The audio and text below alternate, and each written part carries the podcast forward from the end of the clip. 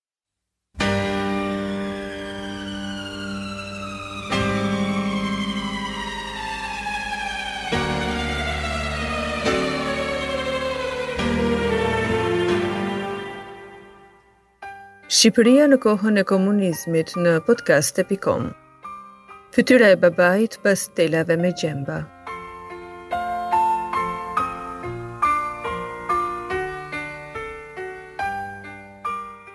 Tërhiqeshim zvarr për ta parë babain në burg qysh fëmijë. E shikonim vetëm nga ato telat dhe kur shkojshim herën tjetër as nuk e mbanim mend fytyrën e prindit. fëmijë të traumatizuar. Rrëfen Fatmira Përmeti, me bashkëshortin e saj, Esmer Përmeti, të dy fëmijë të prindërve të shpallur armiq të popullit, rrëfejnë historinë e dhimbshme të jetës së tyre nën diktaturën komuniste. Ata trashëguan prej prindërve peshën e rëndë të diktaturës që i mbajti si skllevër për 45 vjet, përballja me persekutorët dhe zaptuesit e shtëpive të tyre dhe zhgënjimi me sistemin e ri pas rënies së diktaturës. Mirush Përmeti ishte babai i dy vajzave e në pritje të fëmijës së tretë.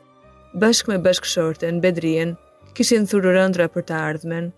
Jetonin në vilën e ndërtuar prej tij, me sqim e prej së cilës përhapeshin aromat e luleve e portokajve në rrugën Pjetër Budi. Por bashkë me këtë godinë të ngrohtë, kultura, formimi i tij, deri në vitet 1945, e vënë në shërbim të Shqipërisë, do t'i ktheheshin në bumerang. Si ish-gjimnazist i shkollës amerikane Harry Fultz, i diplomuar në Padova inxhinieri, ishte një nga pretendentët më të lakmuar të diktaturës për t'u shpallur armik i popullit. Në arrestimin e parë të tij në vitin 1945, pinjollët e partisë do të dështonin për mungesë provash. E megjithatë, fati i tij si i dhjetra inxhinierëve të tjerë ishte paracaktuar. Sinjali i parë ishte urdhri i Spiro Kolekës, një korrik 1945, për mobilizimin e tij në tharjen e kënetës së Maliqit, ndërsa afati shtatmujor për kryerjen e punës ishte gracka. Të vetëdijshëm për këtë mision të pamundur, dhe në tentativat për të shpjeguar se kjo nuk mund të arrihej, ata u ndeshën me akuza dhe sulme, fillimisht verbale të komunistëve që i etiketonin si sabotatorë. Nëna thotë që kur erdhi herën e fundit nga Maliqi ishte shumë i tronditur. Nëna e kishte pyetur dhe ai kishte thënë se atje ishte krijuar një situatë shumë e keqe dhe njerëzit u thonin jo borgjezët, jo sabotatorët dhe kërkojnë për një periudhë shumë të shkurtër tharjen e kënetës gjë që është e pamundur të realizohet. Me pretendimin se inxhinierët mund të ishin agjentë të anglo-amerikanëve dhe nën presionin e mospërmbushjes së afatit të punës, inxhinier Mirushi do të ishte në grupin e dytë të inxhinierëve që do të arrestoheshin. Për djalin e vetëm të doktor Bedri Përmetit u vendos dënimi me pushkatim.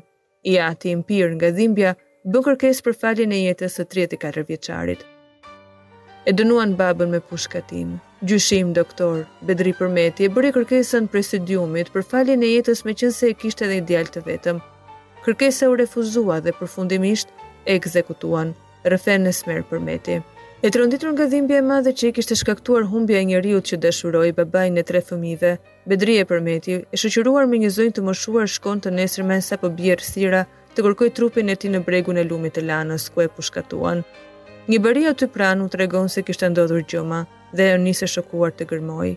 Me një grusht dhe, që ishte hedhur mbi trupin e viktimave gjen të shoqin për ta vajtuar e për t'i dhënë lamtumirën e fundit. Me shpresën se një ditë do t'i bënte të paktën një varr, ku do të prehej, por kjo nuk ndodhi asnjëherë për shkak se mbi eshtrat e tyre u ndërtua uzina Dinamo. Një fshatar i ndershëm i ka treguar se këtu e kanë varrosur nga unaza e njohu. Kush ta kompenson atë, tregon Fatmira Përmeti, bashkëshortja e Esmer Përmetit. Vetëm pak ditë pas tre dhjetorit, kur dy vajza dhe djali, Esmeri, që sapo u kishte lindur do të mbeteshin jetimë në vilën e Mirush Përmetit do të sillej të jetonte familja e Islam Radovickës por vuajtjet s'kishin të sosur për bashkëshorten e ve të Mirushit në shtëpinë e së cilës nisën të hynin disa komisionerë të partisë duke inventarizuar gjithçka që kishte brenda ky ishte një sinjal që paralajmëronte një gjë tjetër të errët pjesë e atyre ditëve përmes një vizite u bë edhe çifti Panajota dhe Vasil Konomi për të cilët më pas familja e Mirushit vetë nxirrej jashtë, e kishin parë vilën si të përshtatshme për të jetuar aty. Sekuestruan gjithçka dhe ne nuk merrnim asgjë. Kemi dalë me rrobat e trupit, tregon Esmer Përmeti. Pavarësisht lutjeve të nënës lehonë, ata s'do t'i lejonin të merrnin as djepin e foshnjës, duke iu përgjigjur me egërsi se fëmija juaj nuk meriton krevat. Madje se ajo duhet t'u ishte falënderues që po i linin të jetonin. Pas kësaj zallamahie bashkë me familjen e Radovickës do të vendoseshin në një shtëpi të vjetër pranë rrugës së Dibrës. Jeta e nuses së ve të Mirush Përmetit, ishte përmbysur dhe ajo duhet të mendonte se si të rriste tre vogëlushët. Pas kësaj nëna ime mbeti me tre fëmijë të vegjël dhe u detyrua të futet në punë se ndryshe nuk kishim si ta përballonim jetën. Ka bërë shumë punë të rënda në ndërtim, me punë krahu nëpër kanale. Më kujtohet kur ishim te rruga e Dibrës, kur ishim tek pesëmbëdhjetë katshi nëna punonte me pallatet e Shallvareve, bëheshin ato me pesë katshe, por për të ngritur tulla disa gra që ishin, ngarkoheshin me tulla në kurriz dhe furnizonin ustallarët deri në katin e pestë, tregon Esmer Përmeti. Shtëpia ku jetonin në kushte të mjerueshme do të shembej në vitin një mijë e nëntëqind e gjashtëdhjetë e pesë dhe të dy familjet do të zhvendoseshin në një tjetër banesë të ngjashme në rrugën e Elbasanit, jo shumë larg nga ish vila e tyre, që tani i përkiste familjes Konomi. Peng e kishte, sepse e donte atë shtëpi.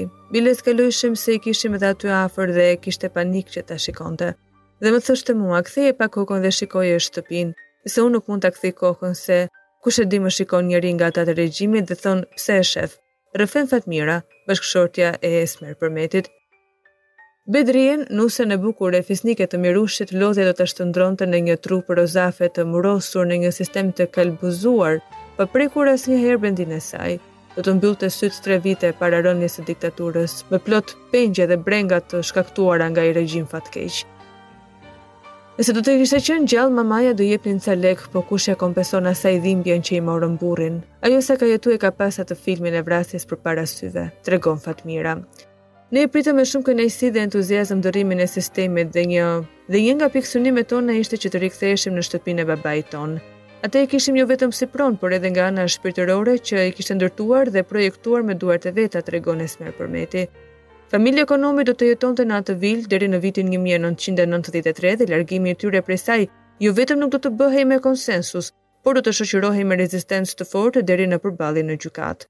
Patëm vështirësi, nuk patëm mirëkuptim, madje patëm dhe situata të komplikuara, dhe na u desh edhe me gjyqe, edhe përfundimisht se ne kishim tapinë, po ata kishin bërë një blerje shtëpie nga pasuria e shtetit të asaj kohe që ishin dy tapi për të njëjtën shtëpi, kështu që njëra duhet të binte poshtë. Nuk na pritën me qejf madje bënë rezistencë. Donim të prezantoheshim dhe me gruan e Vasil Konomit, Donim të prezantoheshim edhe me gruan e Vasil Konomit, ajo tha, kot bëni rezistencë se këtu nuk do të vini dot. Vitet po ikin dhe shpresat tek familjarët e ish të përndjekurve po zbehen, duke mbjellë zhgënjim, të procesit të shumëpritur të integrimit të tyre dhe të demokracisë. Ky material është marrë nga kujto.al. Shqipëria në kohën e komunizmit.